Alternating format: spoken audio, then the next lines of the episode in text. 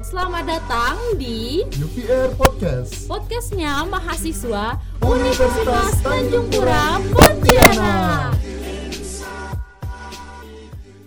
UPR Podcast. Podcastnya mahasiswa Universitas Tanjung Pura Pontianak.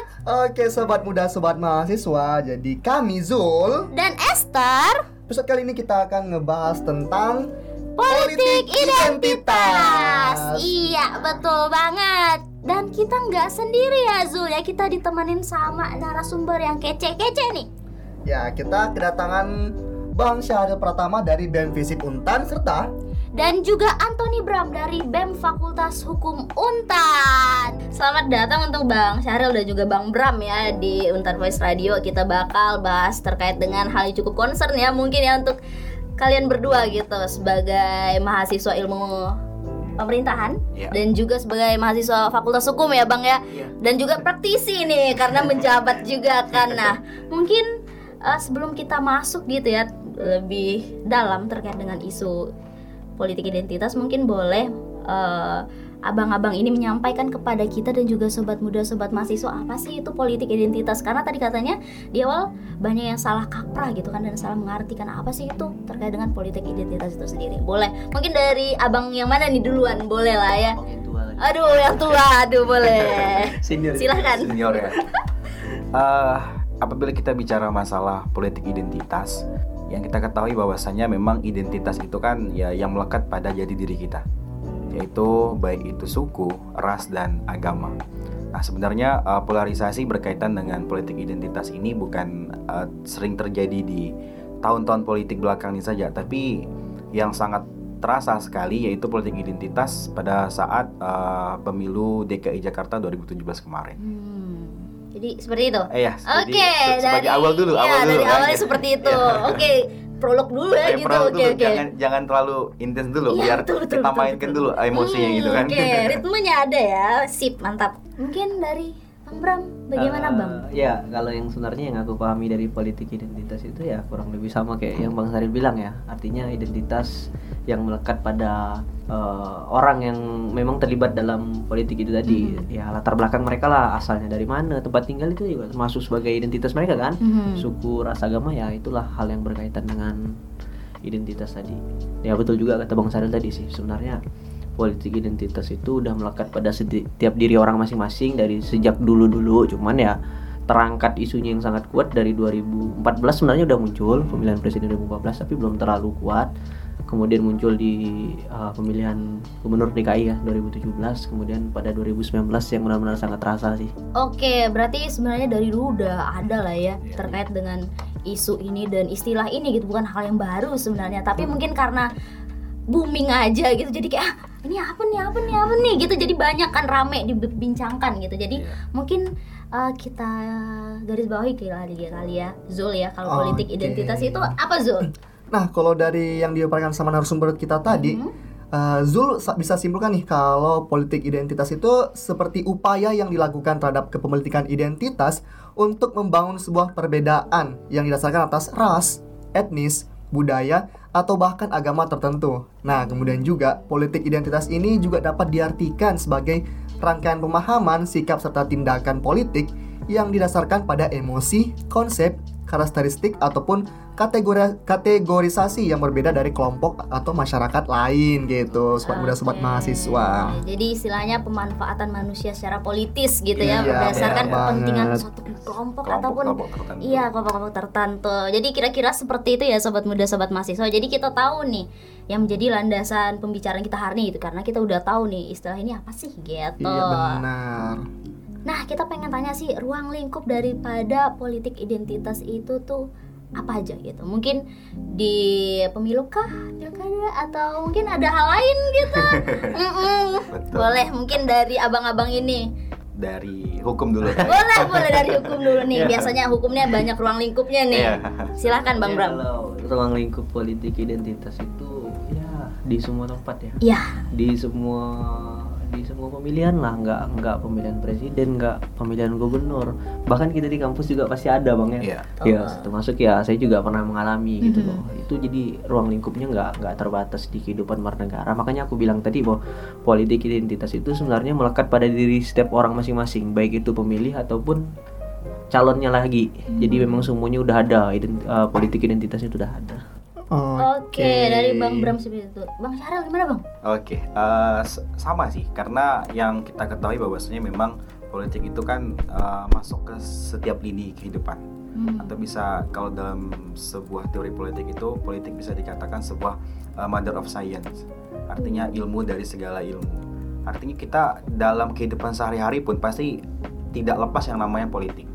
Nah eh, kita beranjak bicara masalah politik identitas itu sendiri Eh, sebenarnya cakupan politik identitas ini bukan hanya terjadi pada saat pemilihan legislatif saja, Hmm. tetapi di lingkung di lingkungan internal kampus saja itu sangat terasa juga sebenarnya Iya. berkaitan Mm-mm. uh, masalah politik identitas kita mengotak-otakkan belum lagi dibenturkan dengan segala macam bentuk background OKP dan sebagainya kita juga tidak menutup kemungkinan seperti itu kan Iya. karena ya uh, uh, karena kan itu pasti partai ya. Partai itu kan sebagai bagaimana dijadikan sebuah alat alat kita untuk menduduki sebuah uh, jabatan-jabatan tertentu. Jadi sehingga uh, politik identitas apalagi uh, kita bicara flashback ke belakang di tahun 2017 itu kan ya memang sangat terasa. DKI Jakarta pada saat itu uh, dengan adanya persekutuan atau perkumpulan uh, mayoritas agama Islam pada saat itu dalam sebuah kelompok tertentu yaitu FPI itu bisa dikumpulkan untuk uh, mengangkat isu-isu berkaitan dengan politik identitas. Nah kemudian juga uh, kita bicara masalah pemilihan presiden juga itu, itu pasti juga ada berkaitan dengan politik identitas yang mana pada saat itu uh, 2019 Jokowi pada saat itu kan digaung-gaungkan sebagai PKI pada saat itu Iya. kan ada isu-isu yang seperti itu sehingga disandingkan dengan wakilnya yang memang memiliki karakter yang agamamis yaitu seorang Kiai Haji ya bisa Iya. dibilang uh, Kiai Haji Maruf Amin yang memang pada saat itu orang yang berpengaruh lah dalam uh, tatanan kehidupan agama Islam sehingga dibenturkan dengan kegiatan-kegiatan tersebut. Kemudian juga uh, Prabowo yang memang uh, terang-terangan diusung oleh FPI. Nah artinya memang uh, politik identitas ini sangat gencar diincar oleh baik itu partai ataupun golongan dan orang-orang yang memang memiliki kepentingan karena uh, memang uh, kita kembali lagi bahwa kalau tidak memang Indonesia memang negara bisa dibilang adalah negara Islam mayoritas agama itu agama Islam sehingga uh, partai politik ataupun orang-orang yang memang pengen untuk mendapat mendapatkan sebuah jabatan tertentu baik itu di legislatif, eksekutif dan sebagainya pasti mengincar yang namanya agama Islam. Jadi uh, politik identitas bisa disimpulkan saya mengartikan bahwa semua kehidupan itu pasti ada yang namanya politik dan apalagi politik identitas baik itu lingkungan kampus dan di uh, legislatif dan eksekutifnya. Oke, wih, cukup ini ya terperinci ya karena mungkin beliau-beliau ini mempelajari hal itu ya se- selain praktisi gitu di kampus juga mempelajari teori-teori itu ya nggak Zul? Kalau sudah membahas masalah teori sih kan ya. Tadi kan Hmm. Waduh, sempat kita ngebahas kita kalah teori gitu. nih. karena expertnya nih karena cukup Benar concern juga. banget. Praktisi secara Iya ya. betul. Jadi mungkin bisa disimpulkan ya Zul ya kalau misalnya ruang lingkup politik identitas itu tidak terbatas tadi katanya Iya. kan karena ba- baik pemilih ataupun yang dipilih punya gitu hal tersebut gitu.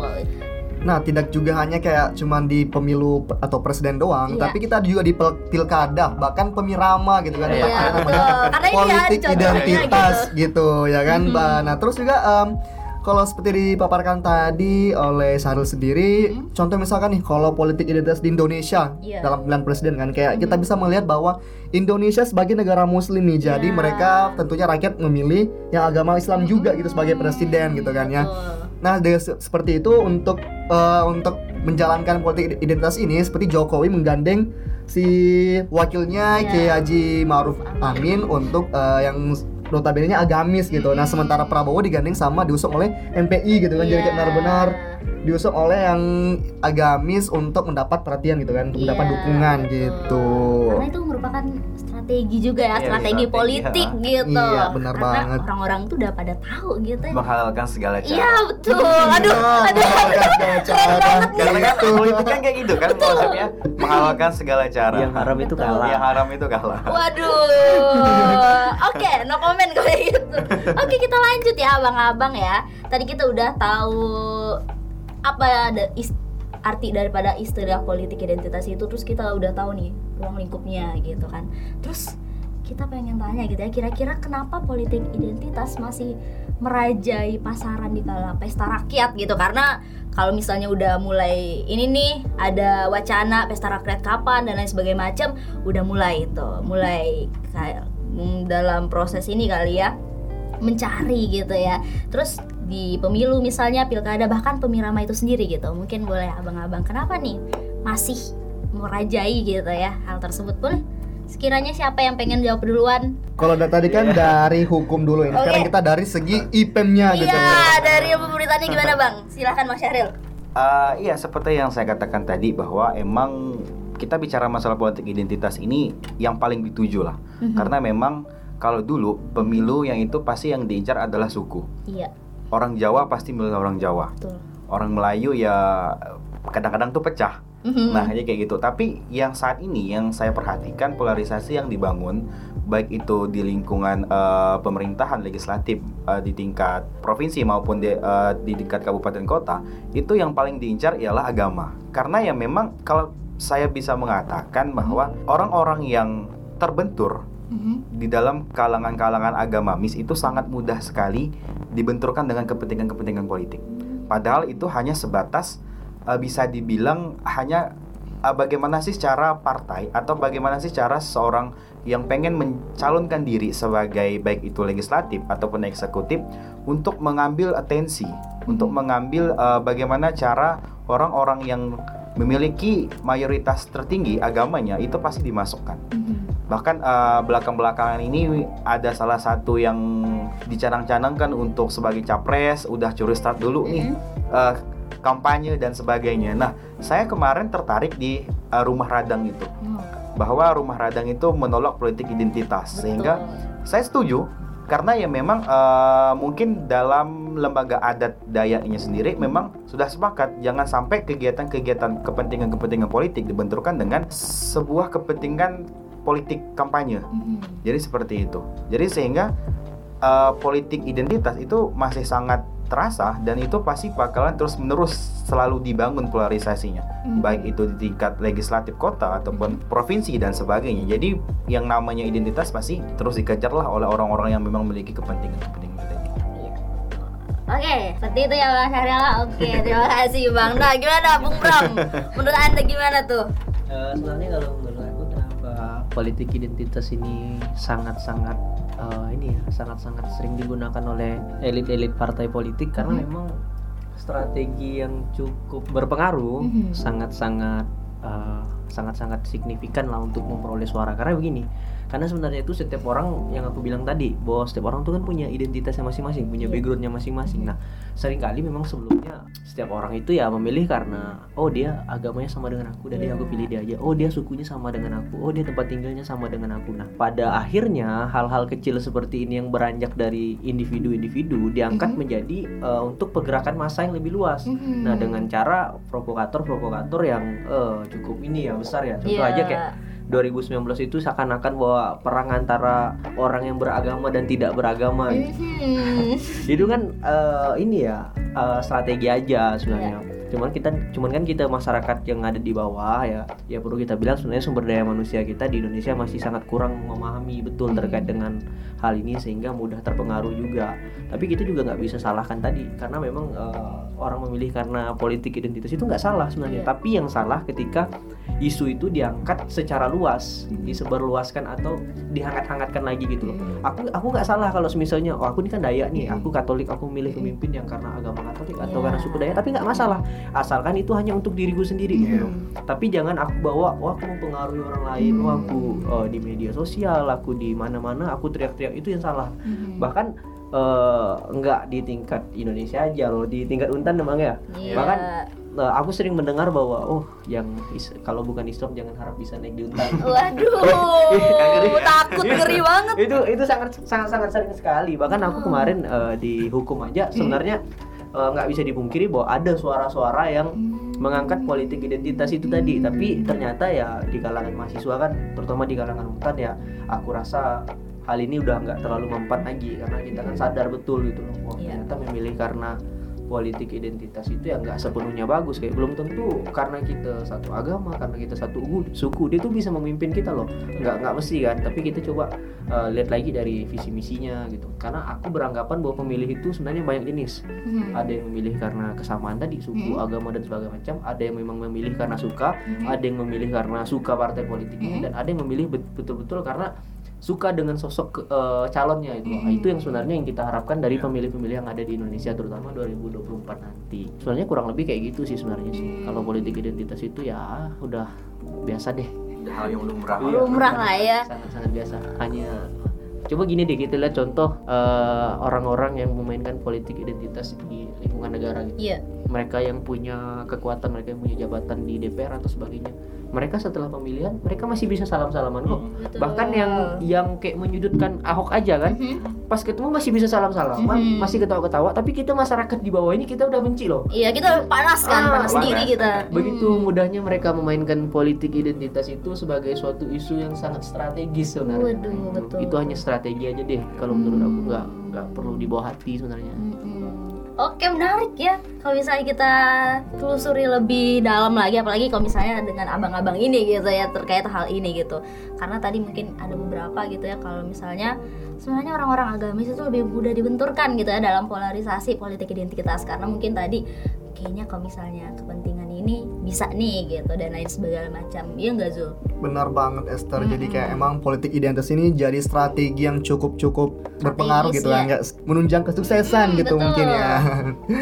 Oke, jadi kalau dari Esther nih, Mhm. kalau melihat politik identitas kita saat ini kayak disampaikan sama Bang Bram dan sama Bang Bram dan juga Bang Sahril ini apa sih yang di- eh, ditangkap sama Esther nih?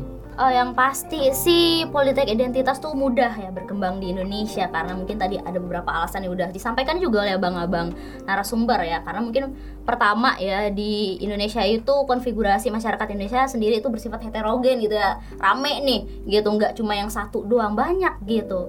Multukalis multukulta kulturalisme itunya itu besar banget gitu ya. Apalagi Indonesia banyak banget nih suku agamanya juga ada enam gitu kan banyak banget gitu. Jadi banyak sekali gitu. Dan masyarakat Indonesia tuh eh, masyarakat yang plural yang terdiri atas beragam suku. Tadi ya bahasa adat istiadat agama karakteristik juga gitu. Jadi mudah gitu ya untuk digerakkan gitu melalui politik identitas itu sendiri gitu Zul Oke, benar banget. So, aku juga tadi mendengar sempat mendengar Mm-hmm. nih, kalau misalkan strategi eh, strategi atau politik identitas ini sebenarnya nggak salah gitu, Iya. nggak salah, tapi caranya aja yang salah Betul. gitu.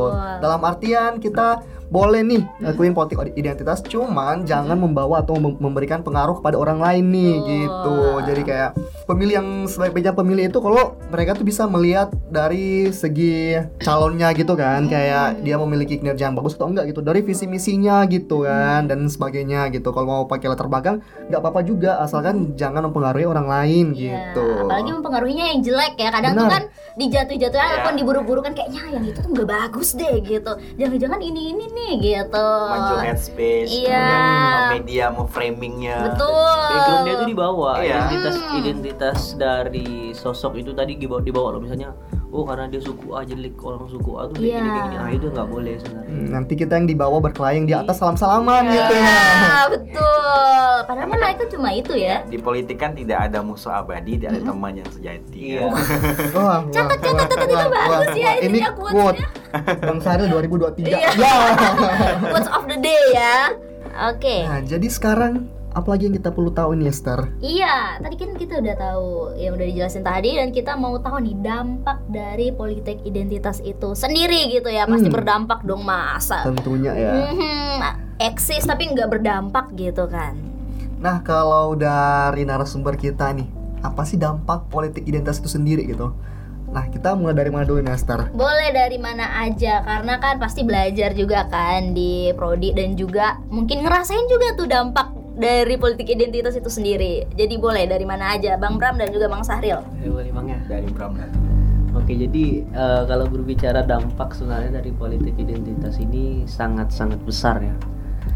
Eh, coba kita lihat di pemilu 2000 eh, di pemilihan gubernur 2017 atau pemilihan presiden 2019 itu sangat terasa sekali dampaknya sampai sekarang gitu.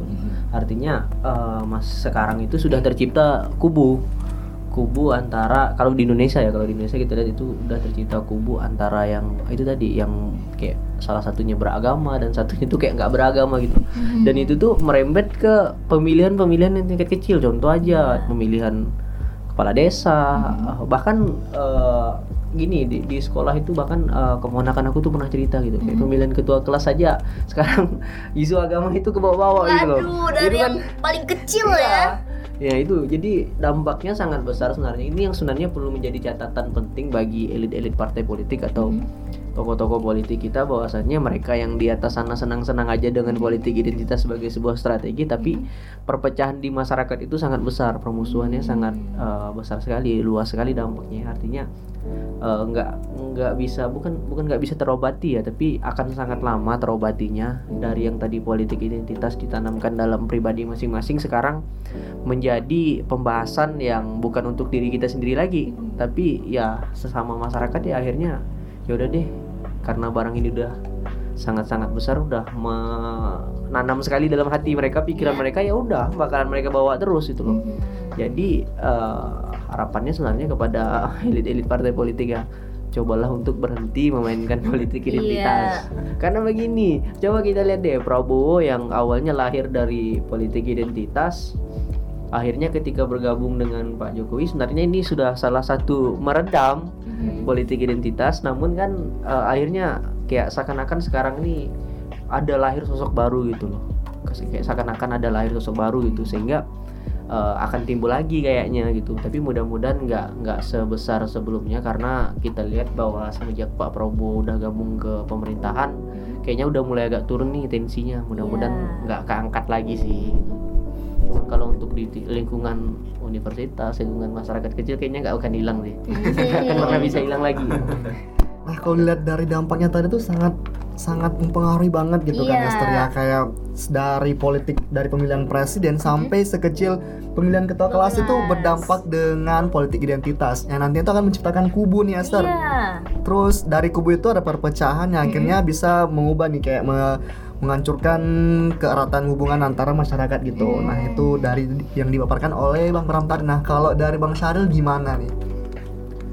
Ya sama sih sebenarnya memang dengan adanya politik identitas yang sangat kita rasakan dampak yang benar-benar terasa di sosial masyarakat itu adalah perpecahan itu tadi sehingga memunculkan adanya kubu-kubu kubu si A, kubu si B sehingga eh, di situ ter- terjadi sebuah polarisasi yang terjadi di dalam masyarakat kemudian dinamika pun yang dibangun sehingga kubu si A kemudian kubu si B itu bakalan terus-terusan tuh bisa menimbulkan perpecahan, kemudian juga adanya eh, intimidasi.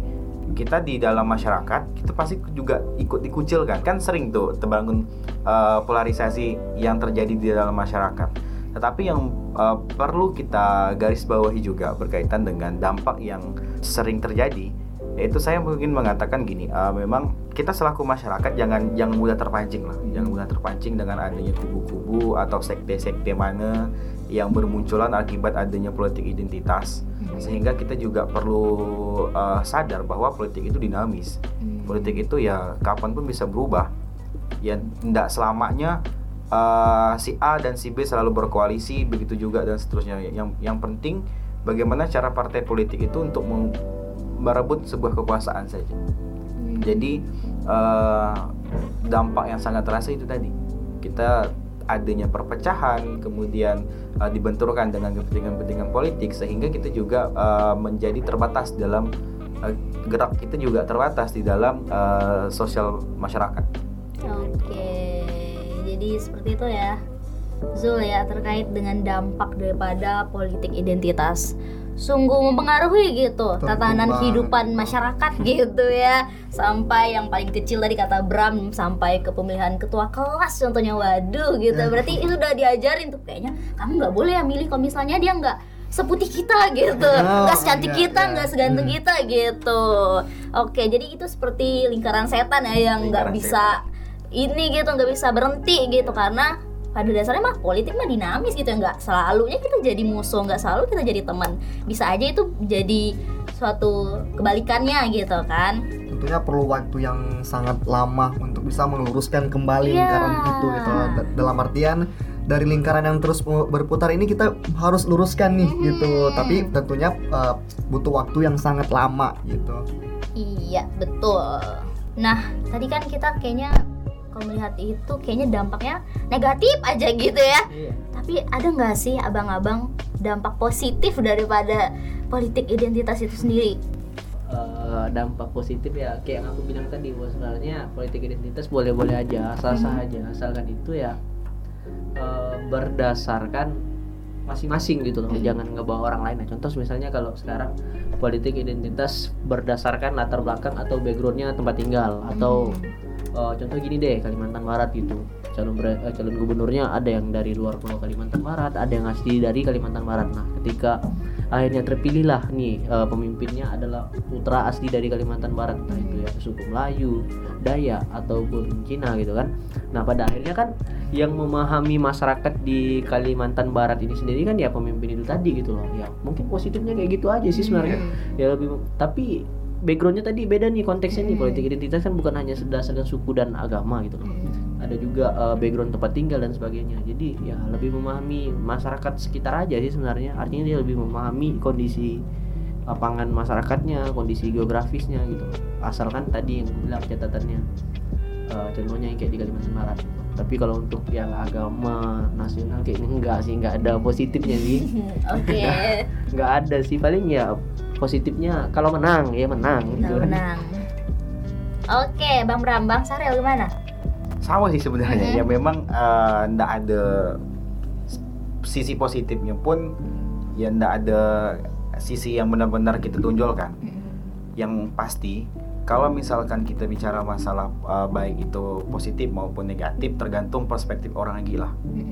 Bagaimana yang penting ya saya rasa pun juga eh, partai politik pun juga pasti mempunyai kepentingan kemudian pasti juga memiliki eh, tujuan yang pengen dicapai.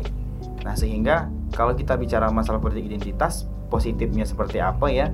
Kalau misalkan kita bicara lagi seperti eh, agama Islam yaitu sesuai dengan aturan misalkan pilihlah uh, seorang pemimpin itu berdasarkan agama kayak kayak gitu.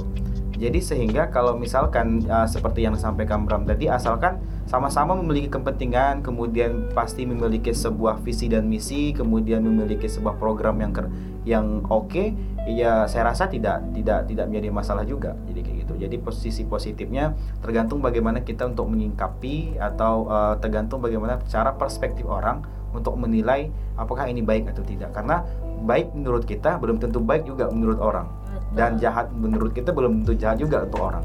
Jadi eh, itu tadi kembali ke konsep awal politik itu dinamis jadi tidak bisa kita kaku-kakukan jadi kayak gitu. Oke, jadi ya walaupun kayaknya kok secara ini general kayaknya nggak ada gitu ya eh, dampak positifnya, tapi itu balik lagi ke personal orangnya gitu, Benar. karena yang punya kontrol itu ya tiap-tiap individunya gitu untuk menentukan itu baik atau enggak gitu ya, sobat muda, sobat mahasiswa. Jadi mungkin kalau misalnya gara-gara ini berbahaya gitu ya politik identitas itu karena dia bakal menggabaikan heterogenitas gitu ya di masyarakat di mana pemilu itu dilaksanakan gitu ya dan juga membuat jurang pemisah nih kak hal tersebut itu tuh sangat berbahaya gitu ya bila diterapkan di Indonesia secara terus menerus gitu ya apalagi Indonesia kan eh, banyak gitu ya mulai dari sukunya agama ras dan juga aliran kepercayaan seperti itu benar banget Esther jadi ya emang di atas sedang Mm-mm. uh, salam-salaman kita Mm-mm. di bawah yang bertengkar gitu kan dan Iya. akhirnya itu dengan kita yang bertengkar akhirnya kita juga mempengaruhi orang lain dengan menyebarkan hoax nih menyebarkan Iya. hoax terus fitnah-fitnah bahkan juga kita nggak tahu nih kebenarannya tuh gimana dan akhirnya tuh diekspos sama oknum yang mendukung dari si politik identitasnya itu tadi gitu jadi ya kita harus benar-benar memilih nih kayak Iya. pilah-pilah gitu kan Sam- jangan sampai salah ini nih salah persepsi salah Iya, tangkap atau betul. uh, maksud-maksud dari uh, ininya gitu kan Mm-mm. karena yang kembali lagi ke, di awal nih kalau politik identitas tuh nggak salah Iya. cuman jangan pengaruhi orang lain Iya, gitu paling jelek ya tadi ya. Oke, tadi kita udah tahu nih dampaknya gitu ya. Sekarang kita mau tanyain gitu kedua praktisi ini gitu ya. Terkait eh, politik identitas, demokrasi tanpa politik identitas bisa nggak sih, abang-abang? Tadi kalau misalnya kita lihat dampaknya jelek banget nih, mempengaruhi sampai ke akar-akar paling kecil gitu ya di lingkungan masyarakat bahkan keluarga gitu. Nah, bisa nggak sih? Kalau misalnya politik identitas nih, ya udahlah kita buang aja, nggak usah ada lah gitu, biar tenang-tenang aja lah hidup ini gitu. Gimana abang-abang boleh ditanggapi? Eh, saya rasa sih tidak ya Mhm. tidak bakalan uh, bisa dibangun stigma yang seperti itu karena polarisasi ini kan sudah dibangun tuh sejak dulu-dulu bahkan di era-era sebelumnya ya pasti yang namanya identitas tuh pasti melekat dalam jati diri seseorang nah sehingga kalau misalkan kita membuat sebuah sistem yang baru karena kita juga dibenturkan dengan uh, sebuah sistem pemerintahan yang uh, partainya dominan itu juga pasti sulit kalau misalkan kita uh, membentuk sebuah uh, menghilangkan menghilangkan politik identitas. Karena pasti setiap partai setiap uh, setiap partai pasti mempunyai golong-golongan tertentu lagi. Nah dari situ saja sebenarnya sebuah sistem yang dibangun sudah salah sehingga kita yang di bawah untuk menerapkan sebuah sistem uh, pemilihan umum di Indonesia atau demokrasi di Indonesia tanpa mengesampingkan politik identitas itu saya rasa perlu pemahaman kemudian perlu sebuah gebrakan yang benar-benar radikal. Itu memang saya rasa tidak tidak mungkin lah. Saya rasa bisa begitu. Tapi kalau misalkan kita sama-sama mencoba untuk memperbaharui apa yang sudah kurang kemudian kita coba membuatkan sebuah sistem yang baru saya rasa bisa tapi kita juga terutama stakeholder pun juga harus bisa bersinergi dalam hal ini tapi sejauh ini saya rasa politik eh, demokrasi di Indonesia tidak bisa yang tidak tidak bisa dilepaskan dengan adanya politik identitas ini pandangan saya ya Iya pandangan saya betul, betul, betul. boleh, boleh, boleh. Gimana Bang Bram? Tanggapannya? nggak mungkin sih Oke. Mungkin karena eh, partai itu punya identitas masing-masing gitu. Ada yang nasionalis ada yang islamis ada yang dari buruh ada yang bahkan yang sekarang ya yang memang sangat-sangat eh, gemilang mengatakan bahwa dia akan mengusung politik identitas di 2024 juga. Ada. Hmm. dan setiap orang yang eh, terlibat dalam dunia politik juga punya identitas. Jadi nggak mungkin demokrasi tanpa identitas itu nggak mungkin bisa dihilangkan. Mau bagaimanapun caranya nggak mungkin. Nah itu tadi gue bilang setiap masyarakat itu setiap orang itu punya pandangan tersendiri terhadap identitas seorang eh, calon pemimpin yang akan mereka pilih gitu. Jadi nggak nggak bisa dihilangkan sih. Apalagi kalau kita berbicara masalah demokrasi kan Mhm. itu tadi partai aja punya identitasnya masing-masing punya backgroundnya masing-masing. Karena nggak mungkin nggak ada partai yang punya background. Jadi benar kata bang Saril juga bahwasannya ya dari awal sistemnya udah nggak nggak tepat sebenarnya. Udah akan memunculkan gitu udah banyak sekali peluang dan nggak akan ada sih sistem yang nggak menimbulkan identitas Iya. identitas juga nggak akan ada. Nggak akan ada kesempatan untuk merubah. Hanya akan ada perkembangan dari masyarakat saja yang bisa mengubah mindset pandangan mereka gitu. Makanya kayak Mahmud MD aja bilang nggak apa-apa identitas. Nggak apa-apa, nggak apa-apa. asalkan jangan berkuar-kuar tentang yang jelek. Jangan Iya. berkuar-kuar tentang backgroundnya dia gitu. Dianya nggak masalah untuk di ini kan maksudnya eh, ya kalau memang nggak sesuai dengan hati nurani nggak apa-apa. Tapi backgroundnya jangan loh gitu. backgroundnya jangan dibawa kurang lebih kayak gitu sih sebenarnya. Berkunjung ke tempat ibadah tapi ada pesan tersirat di dalamnya. Ya sebenarnya kalau Iya kan? ya kalau sebenarnya kalau itu aku nggak setuju sih iya iya. Aku nggak setuju karena begini ah ini kan aku berangkat dari konsep dari agama kayak kalau Mm-mm. konsep agama itu kan eh, kalau bisa itu orang-orang dalam agama itu pemimpin pemuka-muka agamanya itu tuh tinggallah hal-hal duniawi. Iya betul. Iya. politik ini kan hal duniawi Iya. artinya nggak boleh dibawa ke dalam betul. tempat ibadahnya gitu loh. Jadi kayak gitu sebenarnya kalau konsep di tempatku. Tapi aku juga nggak akan menyalahkan konsep dari agama lain. Maka aku Iya. bilang tadi nggak apa-apa sebenarnya. Asalkan jangan dikoar-koarkan aja gitu. Betul. ini kan dibawa-bawa ke masyarakat gitu loh. Oke, berarti nggak bisa gitu ya kalau misalnya dari kedua praktisi dan juga eh, mahasiswa yang concern terhadap isu ini gitu, sobat muda, sobat mahasiswa. Karena ya dari dulu udah seperti itu ya polarisasinya, jadi itu susah gitu untuk mengubah sistem yang ada gitu. Kalau misalnya kita pengen ngubah ya kita harus melakukan gebrakan radikal gitu, tapi kan nggak mungkin juga kan ngapain juga kita susah-susah untuk membuat hal itu gitu kan, karena mungkin ada hal yang lebih penting lagi yang kita bisa lakuin gitu daripada untuk mengubah sistem yang nggak tahu kapan berakhirnya ini gitu kan oke gimana Zul? Nah bener banget Esther jadi kayak emang untuk untuk mengubahnya itu lumayan sulit ya mungkin Mhm. bisa diubah gitu kan Iya. cuman kita harus perlu memperbarui apa yang kurang dan juga Mhm. mencoba sistem yang baru dan Iya. tentunya nggak bakalan berhasil kalau nggak didukung sama pemangku kepentingan yang terlibat gitu yang Betul. terkait jadi ya kalau kita lihat sekarang pola-polanya semua pemangku kepentingan terlibat di Hmm. politik identitas ini gitu jadi ya gimana cara kita mau ngela- eh, mau ngeubahnya gitu kan ya Esther Betul banget seperti itu. Gimana nih abang-abang gitu ya, abang-abang BEM pergerakan politik identitas di kampus ya, apalagi kan kalian praktisi gitu. Jadi mungkin merasakan hal itu dengan ini ya, dengan dekat gitu terkait hal itu. Bagaimana dari Bang Hmm. Bram dan juga Bang Saril? belum lagi kan kayak kampus itu politik kampus kan kayak bisa dibilang miniatur negara Iya, gitu miniatur kan. negara. Jadi, untuk praktisi narasumber kita ini yang emang terjun di perpolitikan kampus nih gimana nih Eh, sebenarnya kalau di lingkungan kampus ya kayak yang tadi dibilang kan bahwa kampus sih sebenarnya miniatur dari negara gitu Betul. ada jabatan sebagai presiden mahasiswa ada menteri-menterinya dan Mhm. pemilihannya juga sama kayak pemilihan presiden yang ada di Indonesia. Kalau sebenarnya eh, pergerakan politik identitas di kampus itu ya ini berkaca dari pemirama-pemirama yang udah ya. Sebelumnya itu kayaknya eh, ada cuman eh, nggak nggak semasif yang ada sih. Cuman itu tadi dia itu bawa ke bawah pengaruh dari yang tingkat nasional loh. Jadi sampai yang ke kecil-kecilnya ke bawah sampai ke kampus juga ke bawah akhirnya gitu loh. Akhirnya karena mungkin ada pihak-pihak yang melihat oh strategi ini ternyata cukup manjur gitu. Akhirnya dibawa juga nih ke kampus. Karena kan eh di kampus ini ya politiknya kurang lebih sih kayak negara gitu kan. Ada sistem partai dan sebagainya. Kayak aku juga ngerasa kemarin ya kalau kita dihukum ya Esther ya Iya.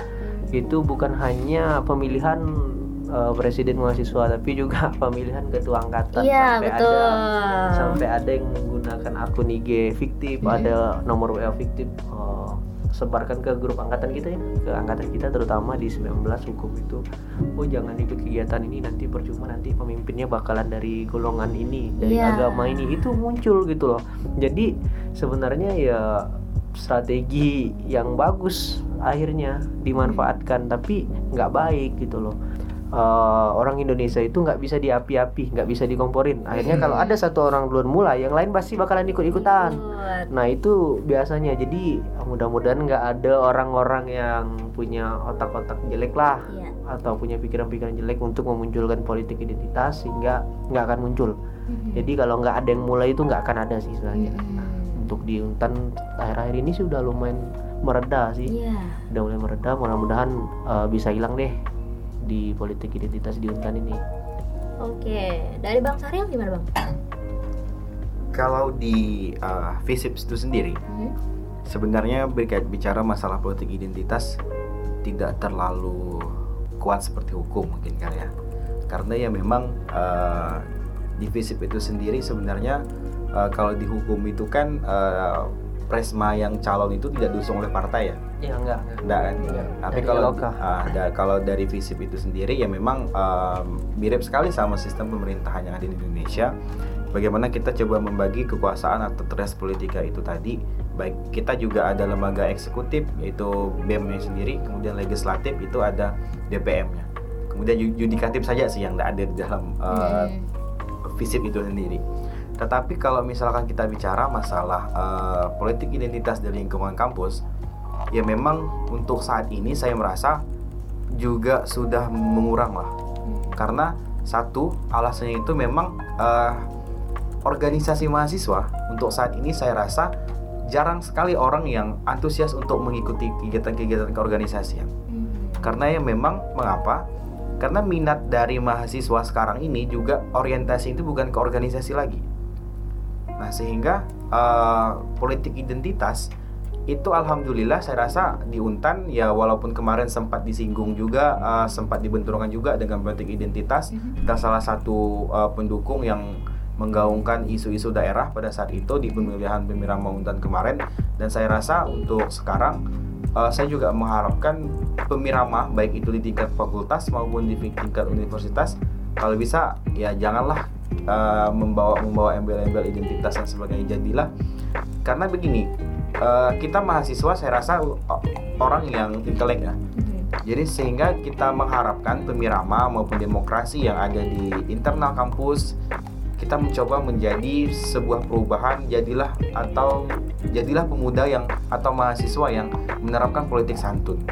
Jadi kayak gitu jadi uh, divisip tidak terlalu gimana-gimana uh, berkaitan masalah politik identitas tapi berkaitan dengan kepentingan-kepentingan UKP itu pasti ada. Iya. itu tidak tidak menutup kemungkinan juga bahkan di bukan hanya defisit tapi di di untan ataupun di fakultas lain saya rasa kepentingan kepentingan UKP juga dan juga ada.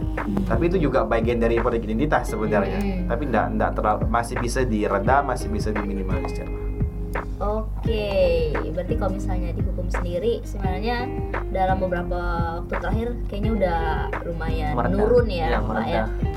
Ketimbang tahun-tahun sebelumnya mungkin yang sangat berapi-api gitu ya. karena kita itu kesalahannya gini karena kita kan bukan pakai sistem partai politik kan Iya. di hukum itu kita pakai ini UKM Iya. sementara ini kan UKM ya ada UKM agama Iya.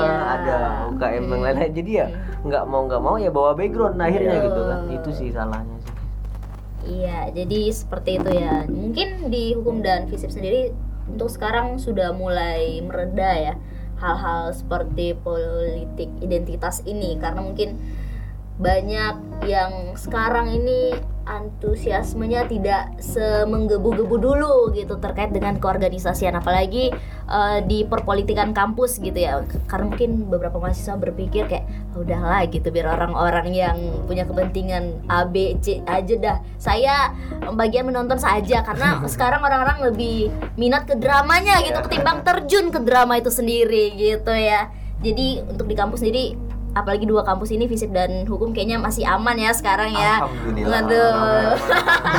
Untuk abang-abang ini aman sepertinya. Oke. Nah, mungkin boleh eh, dari abang-abang menyampaikan konklusi ataupun closing statementnya.